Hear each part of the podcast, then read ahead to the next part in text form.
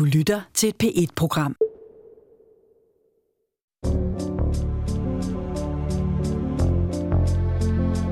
Altså, jeg synes, det er et meget spændende eksperiment. Altså prøver jeg generelt ikke at lade mig påvirke alt for meget. Jeg tænker, det er godt tegn, at der er en, der har svaret det samme som mig. Jeg tror, jeg blev lidt overrasket over, hvor meget jeg egentlig bliver påvirket af de andre. Jeg kunne uden tvivl genkende det. Jeg holdt fast i mit eget svar, og det er jeg glad for at gøre. Velkommen til Rosenkær-eksperimenterne med Vincent F. Hendricks. Mit navn er Vincent F. Hendricks, og jeg er professor og leder af Center for Information og Boblestudier ved Københavns Universitet. I 2016 havde jeg den store ære at modtage Danmarks Radios store formidlingspris, Rosenkær-prisen. Og som prismodtager, der forpligter man sig til at holde de såkaldte Rosenkær-foredrag.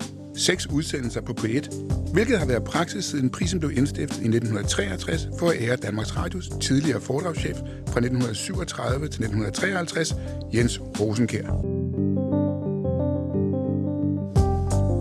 Men i stedet for foredrag kommer jeg til at rapportere fra en række informationsteoretiske og socialpsykologiske eksperimenter og forskning, undertegnet og mit team laver ved Center for Information og Boblestudier. Derfor kaldes mine seks udsendelser for Rosenkær-eksperimenterne.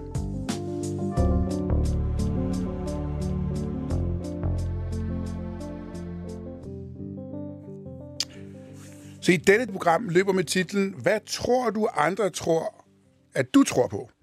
Eller sagt på en anden måde, kender I ikke det, når man, når man møder nogen på gaden på en smal gade, og man skal koordinere, om man skal gå til venstre eller til højre for at gå rundt om hinanden? Men hvis man nu begge to går til venstre, så skal det jo nok lykkes, fordi vi spejler hinanden. Men hvis den ene går til venstre, og den anden går til højre, og vi stadigvæk er spejlet, så ramler vi jo sammen. Og så kan vi jo stå der over for hinanden, indtil vi bliver skeletter. Eller tilsvarende, når, når man står i en situation, hvor man skal holde et møde, så skal jeg jo vide, at der er møde. Og min mødedeltager skal vide, at der er møde.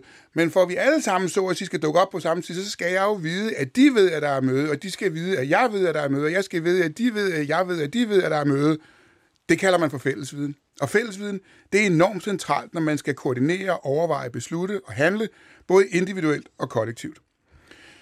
Så det er ikke nødvendigvis altid sådan, at vi bare spekulerer i, om vi selv skal gå til venstre eller til højre. Vi skal også begynde at overveje, hvad vi tror, at andre tror, at vi tror, vi kunne finde på at gøre. Så, så det der med for eksempel at koordinere et lyskryds, det ville være jo enormt besværligt, hvis vi skulle igennem sådan en lang tankerække hver gang, om vi skulle køre eller lade være. Og derfor har vi konventioner om, at grøn, det betyder kør, og rød, det betyder stop, fordi så kan vi bedre koordinere. Men det forudsætter sig til gengæld selvfølgelig, at det er fællesviden i blandt os, at grøn præcis betyder kør, og at rød præcis betyder stop. For ellers ville du ikke kunne lade sig gøre. Og tilsvarende, skal vi, når vi kører op ad en rulletrap, så er det det der med, jamen, stå til højre og gå til venstre.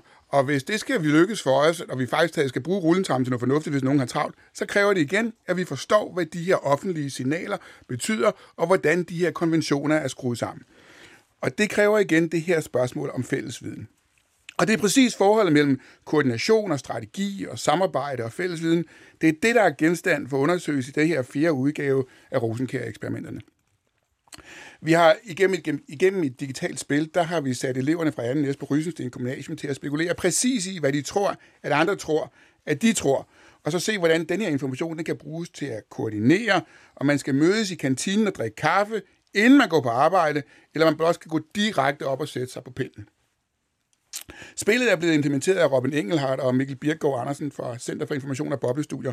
Men ophavsmanden til spillet, som nu er blevet kaldt for kafeterie eller kantinedilemmaet, ja, det gik i starten under navnet Bolanderspillet. Og det hænger sammen med, at en af mine gode kollegaer i branchen, øh, som også er knyttet til centret, nemlig lektor i datalogi og kunstig intelligensstudier ved Danmarks Tekniske Universitet, Thomas Bolander, det er præcis ham, der fik ideen til det pågældende spil. Og Thomas har jeg inviteret i studiet. Velkommen til, Thomas Bolander. Tusind tak. Thomas, du sidder som lektor i datalogi og kunstig intelligensstudier. Hvorfor i alverden er du interesseret i koordinering? Jo, altså koordinering er jo er noget meget stort, når hver gang der er flere, som skal, øh, skal samarbejde om at, at løse et problem. Og det kan så være en gruppe af mennesker, eller det kan være en gruppe af, af robotter, og, og, det, og det kan også være en kombination af en gruppe af mennesker og robotter, der skal, der skal samarbejde.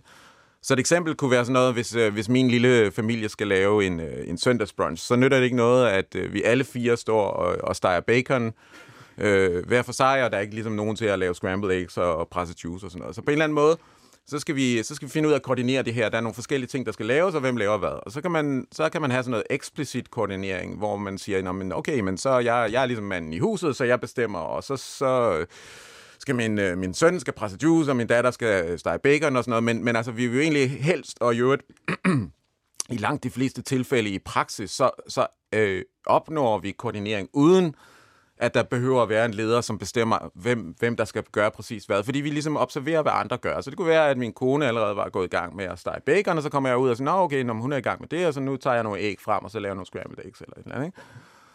Og, øh, og det, handler, det var så et eksempel med mennesker, men altså, øh, øh man kan sige, det kunne også godt være, at, øh, at nu var det ikke, øh, nu, nu var det mig og en robot for eksempel måske sammen, der skulle lave, øh, der skulle lave den her øh, søndagsbrunch, ikke? Og, så, og så skulle det også gerne være sådan, at robotten hvis den ser, at jeg står og steger bacon, at så går den i gang med æggene i stedet for at, at stege noget mere bacon. Altså, fordi så får vi alt for meget bacon den morgen. Hvordan fik du ideen til det her kantinedilemma, eller kafeteriadilemma, Thomas? Jamen, så, det, så, så det er jo sådan et, et, et koordineringsdilemma, ikke? hvor, hvor øh, to, to personer skal, skal forsøge at koordinere, men hvor de ikke har, øh, hvor de ikke har adgang til den samme, øh, til den samme viden. Og man kan sige, at de, de letteste koordineringsproblemer, det er, når vi alle sammen ved det samme, og vi alle sammen har præcis den samme øh, information tilgængelig. Øh, og, og hvis vi så hvis vi har det, og vi samtidig ligesom tænker på samme måde, det kan man ikke nødvendigvis antage med mennesker, men det kan man faktisk godt antage med, med robotter, hvis man har nogle robotter, der skal samarbejde. Så hvis de ved det samme, og de tænker på samme måde, så kan man, så kan man øh, godt sikre, at de kan finde ud af at koordinere sig. Men hvis de Øh, selvom de tænker det samme, hvis, de ikke, hvis ikke de har den samme viden tilgængelig, så kan det faktisk være ret svært at koordinere. Og det, og det, og det her, øh, hvad hedder det, kantinespillet, det er så et, eller kantinedilemmaet er så et af eksemplerne på, øh, hvad skal vi sige, hvor svært det kan være at, at koordinere, når man ikke har den samme viden tilgængelig. Aha. Se, vi inviterede Anne Næs fra Rysensten Gymnasium til at gennemføre spillet, eller kafeteria- eller kantinedilemmaet. Her er en lille rapportage for, hvad vi fandt.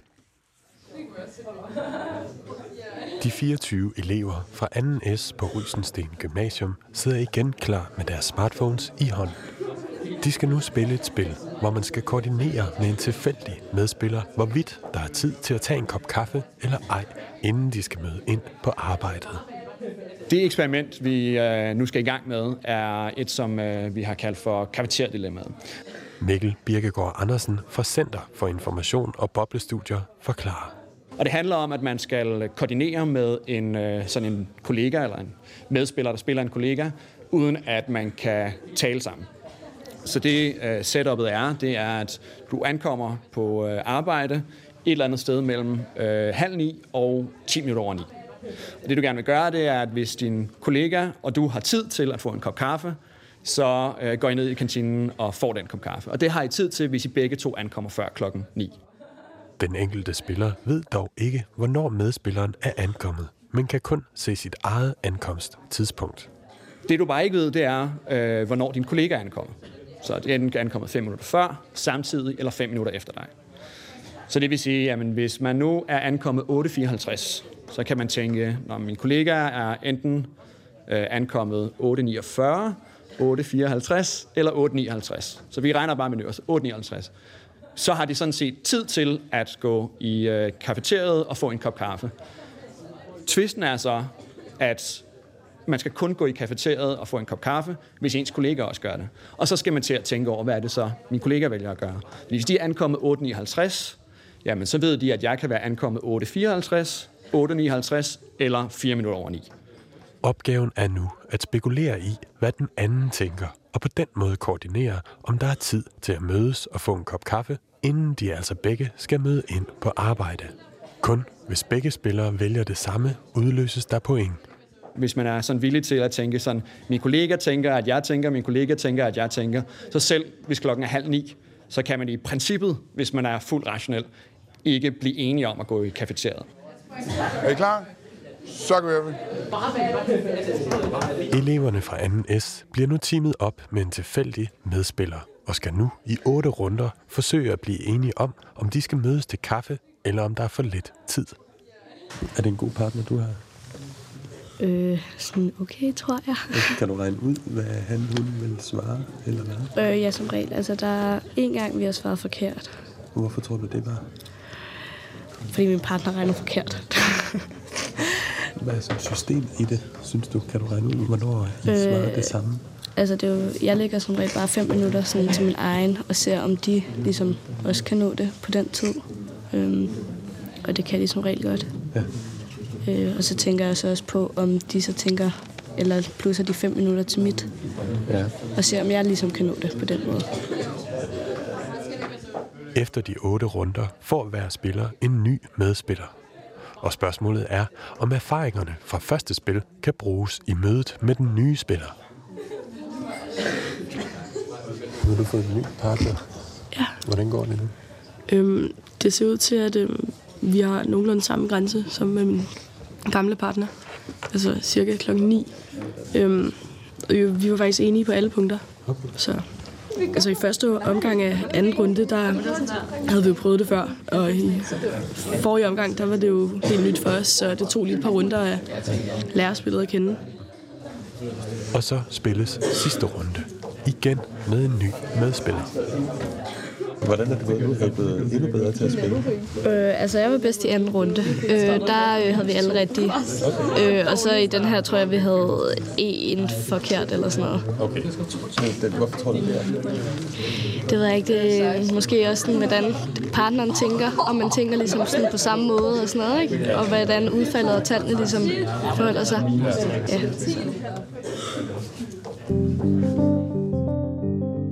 Vi er i gang med Rosenkær-eksperimenterne på P1 med Vincent F. Hendricks.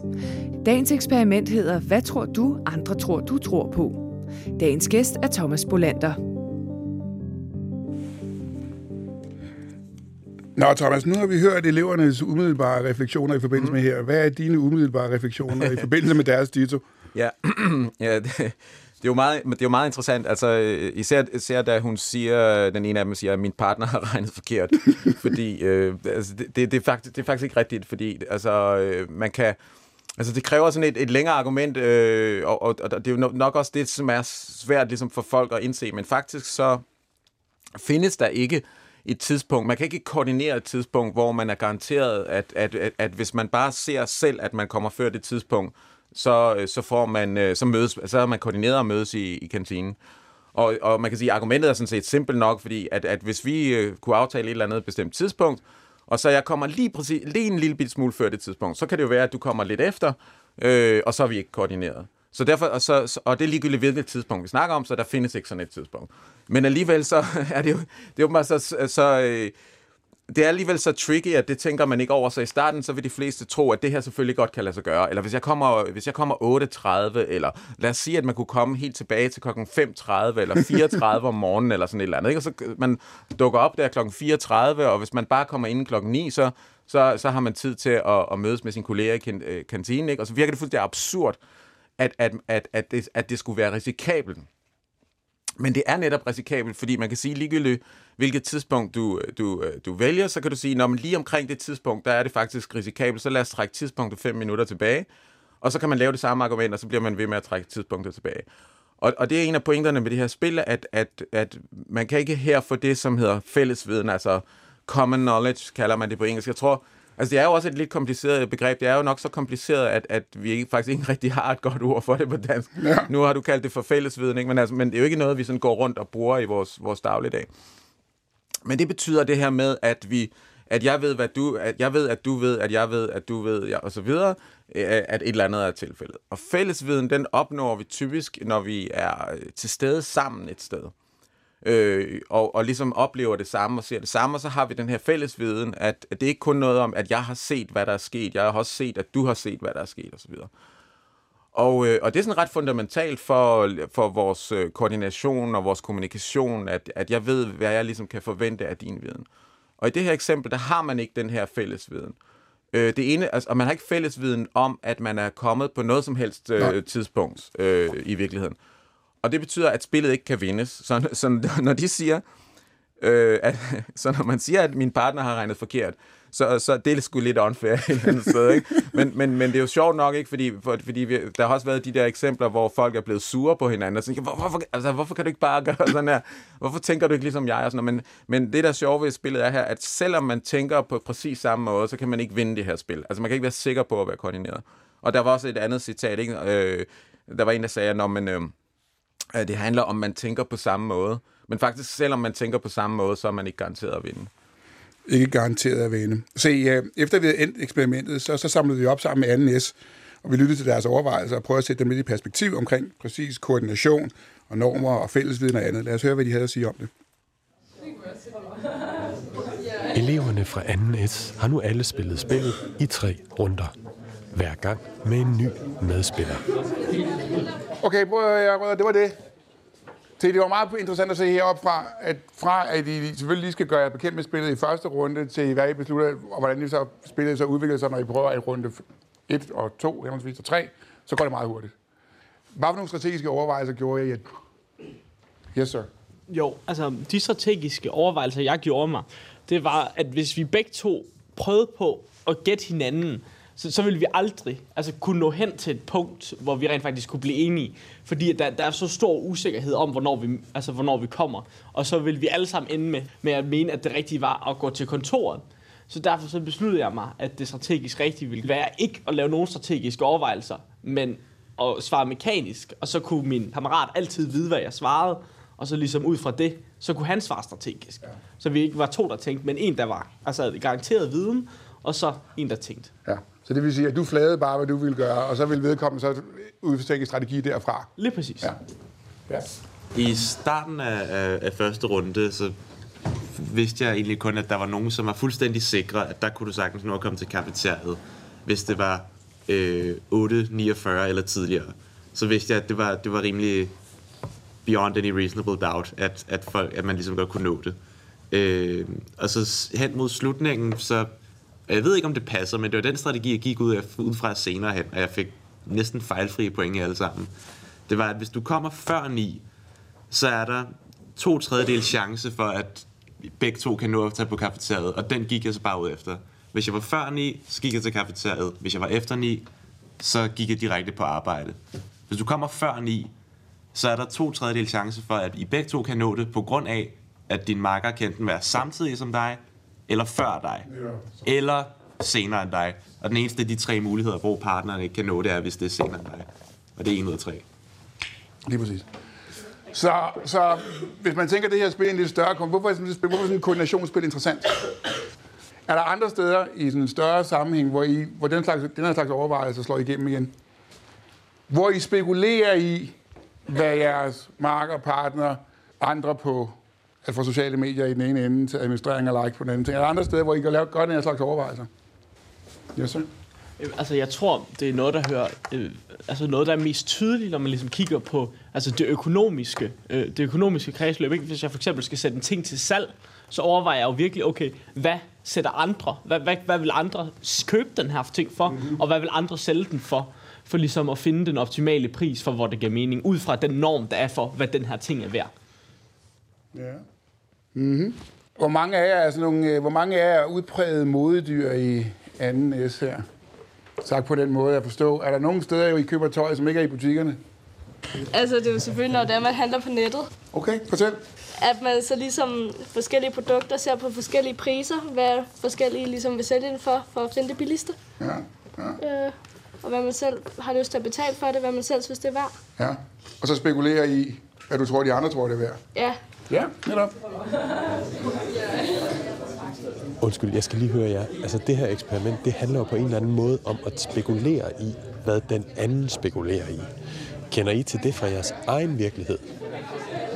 I politik kan man jo øh, sige, altså, det, fordi det er jo, øh, nu har vi jo, vi har samfundsfag øh, på A-niveau. Der snakker vi rigtig meget om, øh, hvordan, altså, hvordan man kan, øh, altså snakker vi om issue voters, øh, altså at man har et issue, altså et emne, og så øh, som vælger og som parti, hvad man så skal forholde sig til det her. Øh, fordi som parti kan man jo både sådan, altså det er selvfølgelig også, så kan man jo både have en populistisk øh, tilgang til det, og så bare sige, hvad mener vælgerne? Det mener vi også. Men så kan man jo også altså, så, og derved spekulere i, hvad, hvad vælgerne mener, og hvad så vi skal mene. Øh, mens at man kan også godt have et andet øh, ideologisk øh, approach eller tilgang til det. Altså lidt mere lavpraktisk, så kan man måske nævne trafikken, for eksempel. Øhm, hvornår holder man tilbage for nogen? Hvornår venter bilisten på en? Øhm, kan man så køre frem? Øhm, altså det handler jo også om at og ligesom kommunikere øh, uden ord, ikke? Altså, Altså, øh, ja, men jeg har helt klart tænkt over det før. Øh, også øh, nu, med hvordan jeg ligesom øh, opbygger min Facebook-profil, for eksempel. Øh, altså, jeg vil, jeg vil gerne have, at hvis at min t- øh, hvad hedder det, fremtidige arbejdsgiver går ind og, og kigger på, og slår mig op på Facebook, så vil jeg gerne have nogle bestemte ting, som han ser. Øh, det, det er jeg meget bevidst over også, fordi at, øh, altså, jeg har et fritidsjob, hvor jeg arbejder med kommunikation også på de sociale medier. Øh, så det er jo også noget, jeg, jeg både kigger på altså, gennem mit, mit arbejde, men også altså, på, på det helt privat. Se, nu fik vi så hørt øh, elevernes overvejelser omkring det her pågældende eksperiment. Øh, nu bliver spørgsmålet om, hvordan de så egentlig klarede sig i forbindelse med det her eksperiment. Øh, og selvfølgelig er det sådan, at, at, at de her eksperimenter havde en, et ret begrænset datasæt, og, øh, og ikke mindst, fordi vi så ikke kørte det så mange gange, og datasættet var begrænset, så skal man tage de her overvejelser og de her resultater med en vis element af forbehold. Men ikke desto mindre, så er det meget lige sjovt at høre på, hvad Robin Engelhardt har at sige om resultaterne, når det vedrører kafeteria- eller kantinedilemmaet. Her er resultaterne for kantinedilemmaet. Punkt 1. De fleste elever brugte den simple strategi, at de blot lagde 5 minutter til deres egen tid for at se, om deres kollega så stadig kunne nå at komme i caféen. Det gav selvfølgelig problemer, når for eksempel en af dem ankom kl. 8.53 og den anden kl. 8.58. Den første tænkte, at der var masser af tid til en kop kaffe, og den anden tænkte, at man måske hellere skulle gå til kontorerne. I det første spil var eleverne stadig nogenlunde forsigtige og lavede de fleste fejlkoordineringer mellem kl. 8.50 og 8.55. Hvilket svarer til, at de tænkte over, hvad den anden tænkte over, ned til i hvert fald to niveauer. Men generelt må man sige, at det var de færreste, der kiggede hele vejen ned i kaninhullet. Punkt 2.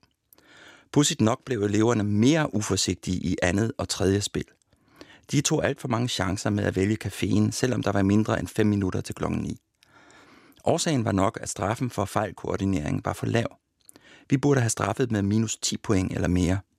I stedet straffede vi kun med minus 2 point, hvilket eleverne hurtigt regnet ud blev stort set udlignet af den to tredjedel chance, der var for, at kollegaen ankom samtidig eller tidligere end dem selv. Men alt i alt klarede eleverne sig ganske meget dårligere i andet og tredje spil. Punkt 3. På grund af spillets manglende fællesviden udviklede eleverne en række tommelfingerregler, som de håbede ville få den til at undgå at falde i. For eksempel var det populært at signalere en, en cut-off-tid. For eksempel altid at gå i kantinen inden kl. 8.57, og så håbe på, at medspilleren ville forstå princippet. Men i det store billede var alle strategier og alle forsøg på at lave tommelfingerregler for at mødes i caféen behæftet med risici, selvom eleverne mente, at de var skudsikre. Selvom eleverne mente, de var skudsikre, Thomas Belander, hvorfor er fællesviden vigtig? Men det er vigtigt, fordi man kan, man kan, man kan simpelthen vise, at i mange situationer, hvor man har øh, flere af det, vi kalder agenter, som kan være mennesker, eller robotter, eller computerprogrammer, eller et eller andet, hvis de skal opnå et, øh, et fælles mål, Altså, og det er ikke engang altid, man er interesseret i at opnå et fælles mål. Nogle, nogle gange er man i krig. Jeg synes, øh, for eksempel krigsførsel er et eks- exceptionelt godt eksempel på det her med, at man ikke har den samme viden, og man prøver at forstå andres viden, og nogen prøver at få det til at se ud som om, at nej, men det, var, det var dem her, der kastede de kemiske våben, men, øh, men jeg får prøve at få det til at se ud som om, det var de andre osv., ikke? Så, øh, men, men, øh, men, men man kan simpelthen vise, at, at øh, i, nogle, øh, i mange situationer, så er fællesviden, det er en forudsætning for, at, at det kan lade sig gøre at løse problemet, øh, uden at man skal koordinere eksplicit. Altså øh, det, vi kalder implicit koordinering. Altså hvor at, at enten at, at vi, altså, vi kan være en gruppe venner, der skal rydde op efter en fest, eller det kan være en gruppe robotter, der skal lede efter overlevende, efter et jordskæld. Det kan være hvad som helst. Men man har et fælles mål, man er enige om, hvad man skal opnå, og så bliver man i mange tilfælde simpelthen nødt til at have fælles viden, for at det overhovedet kan lade sig gøre, for at man ikke kommer til at træde hinanden over tæerne. Thomas Bolander, det er jo ikke fordi, at vi er kommet mindre kontakt med hinanden i en vis forstand, i den forstand at forstå, at alle har en profil på sociale medier, alle kan antageligvis mere eller mindre komme i kontakt med hinanden. Skulle man så ikke tænke i, eller spekulere i, om det forholder sig sådan, om der var dermed bare kommet mere fællesviden? Trods alt, flere og flere har adgang til hinanden, og måske også den samme information. Hvordan tænker du det? Jamen, jeg, jeg tror, jeg, altså, der er måske netop det her problem, at, at øhm, at når vi så agerer på sociale medier, så er vi jo faktisk ikke til stede i det samme rum på det samme tidspunkt. Altså, så vi har ikke den her garanti for, for fællesviden, som ligesom når nu du og jeg sidder og taler sammen. Så med mindre vi har meget dårlig hukommelse, så kan vi huske alt, hvad der er foregået i det her rum, og vi har lyttet til, hvad hinanden har sagt, og, og har fælles viden om, om hele forløbet. Og øh, på sociale medier, så måske, altså man poster et eller andet, man ved ikke helt, hvem der ser det, man ved ikke helt, hvem der følger med, og hvad der sker, og det er heller ikke synkroniseret. Et stort problem i forhold til fællesviden er også det her, når, når, når ting ikke sker samtidigt. At jeg, jeg siger et eller andet, og så går der noget tid, inden nogen svarer og sådan noget. Det, det, det kan også skabe nogle, øh, nogle store koordinationsproblemer. Så jeg tror, altså man kan sige, der er jo mere altså viden transporterer sig længere, end, end det har gjort tidligere. Så, så, så, så på den måde er der ligesom mere viden tilgængelig, men så den, den procentdel af den tilgængelige viden, som så er fælles øh, viden, den tror jeg er stærkt faldende. Altså, så, så, på en, så det er sådan lidt, der er sådan lidt en konflikt imellem, at der faktisk kommer, der faktisk kommer mere viden, ikke? Øh, så, så på den måde ser det ud, som om vi ved meget mere om, hvad der foregår overalt i verden, fordi nu kan vi følge med og så videre, og vi, vi ved noget om alle lande i hele verden, og sådan, det er ikke sådan noget, der er, der er en del af verden, som er uopdaget og sådan noget. Så, så vi føler, vi har sådan en eller anden fornemmelse af, at vi ved en helt forfærdelig masse, og vi kan følge med stort set i alt, hvad der foregår. Men i virkeligheden, så er der meget lidt af, af det her, der er fællesviden. Det vil sige, der, der, der er mange flere situationer, hvor at man kan være i tvivl om, øh, hvorfor gjorde den her person det, eller hvad er det egentlig, der foregår, eller hvad ved de her faktisk om, om hvad der er foregået. Men siger du dermed, Thomas, at fællesviden, når det i en vis forstand kommer det stykke, det er en gammel, god, gammeldags analog ting, hvor jeg kan se dig i øjnene, og du kan se mig i øjnene. Jeg kan forsikre om, at du har forstået, hvad jeg mener. Du kan forsikre dig om, at jeg har forstået, hvad du mener. Jeg kan forsikre mig, at du har forstået, at jeg har forstået, hvad du mener, og sådan fremdeles. Og det har bare svære vilkår i en informationstidsalder. Ja, det tror jeg, sådan tror jeg godt, man kan se på det. Altså, fordi, fordi det der med, fordi netop der er den her, der er den her indbygget uendelighed, ikke? at jeg skal tænke over, hvad du tænker over, hvad jeg tænker over. Sådan, og det virker fuldstændig absurd, at, at, at altså, kan, kan mennesker overhovedet agere med den her form for uendelighed? Så skal man tænke, det, det kan de ikke. Men, men der er jo bare ligesom det her øh, speciale tilfælde, hvor at netop når vi er til stede, samtidig, så er det garanteret, vi behøver ikke at, vi behøver ikke at lave den her øh, lange tankerække. Og, og det er altså ikke, øh, det er ikke tilfældet, når, når, når det er på sociale medier. Og man har også eksempler med koordinering mellem mennesker og robotter og sådan noget, at, at hvis robotten er er lidt langsom til at reagere på, på, på menneskets signaler. Så for eksempel det der koordineringsproblem, du snakkede om i starten med, om, om skal vi gå venstre, øh, skal vi, hvis vi skal passere hinanden på gaden, skal vi så gå til venstre eller til højre.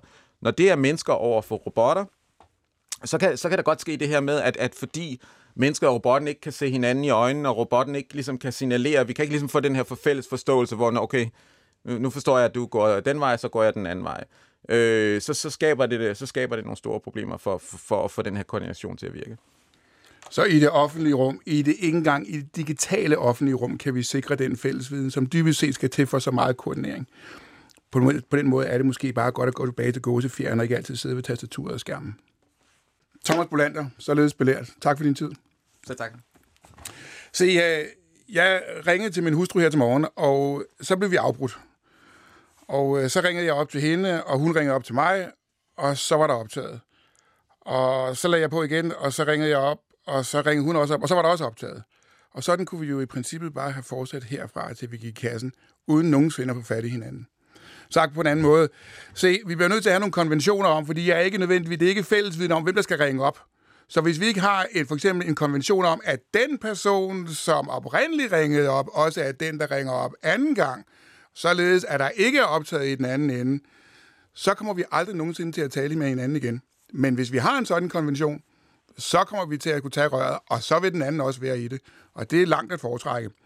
Således belært både om fællesviden og koordinering og samarbejde, og det var det fjerde program i serien af Rosenkjær-eksperimenter.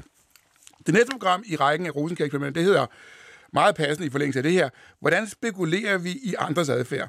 Og ikke mindst, når det gælder sådan noget om, hvordan investorer kunne finde på at spekulere i andre spekulanters adfærd. Og vi har igen ved Center for Information og har udviklet et lille eksperiment til at teste, og vi bruger anden næst fra Rysensten Gymnasium som forsøgsgruppe. Gæsten i studiet næste gang, det er professor David Lando. Han er leder af Center for Financial Frictions på CBS. Husk endelig at lytte med til femte og næstsidste ombæring af Rosenkjær-eksperimentet med Vincent F. Hendricks. Tak til Thomas Bolander, og tak til Rysensten Gymnasium, tak til Robin Engelhardt, og tak til Mikkel Birk Andersen. For redaktionen der står Mikkel Andersen og Kåre V. Poulsen. Mit navn er Vincent F. Hendricks.